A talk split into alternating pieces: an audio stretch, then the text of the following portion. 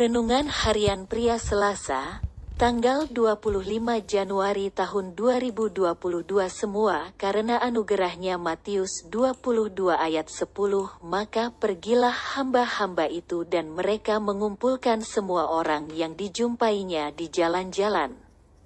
Orang-orang jahat dan orang-orang baik, sehingga penuhlah ruangan perjamuan kawin itu dengan tamu.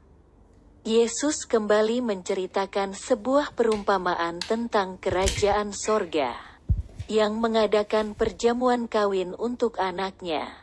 Raja menyuruh hamba-hambanya memanggil orang-orang yang telah diundang ke perjamuan kawin itu.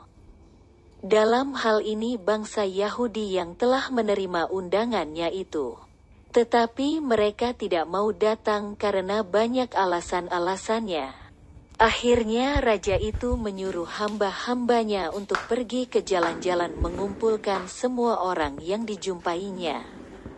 Orang-orang yang dijumpai di jalan-jalan untuk dibawa masuk ke dalam.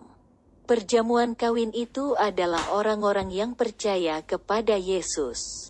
Jadi di dalam Kristus, Anda dan saya adalah orang-orang yang sebenarnya tidak mendapatkan undangan itu. Akan tetapi karena bangsa Israel menolak undangan itu, kita mendapatkan anugerah darinya. Kita yang berdosa mendapat anugerah keselamatan dan dapat masuk ke dalam perjamuan kawin itu. Jadi kita diselamatkan dan menjadi anak-anaknya itu semua karena anugerah Tuhan.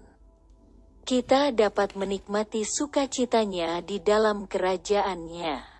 Kita harus selalu mengingatnya bahwa kita diselamatkan bukan karena usaha kita, tetapi karena anugerahnya yang kita terima melalui karya salib Yesus. Marilah kita hidup sebagai orang-orang yang telah menerima anugerahnya dan memuliakan namanya. Refleksi diri, apa yang firman Tuhan katakan kepada Anda? Bagaimana kehidupan Anda dengan firman Tuhan itu? Catat komitmen Anda terhadap firman Tuhan itu.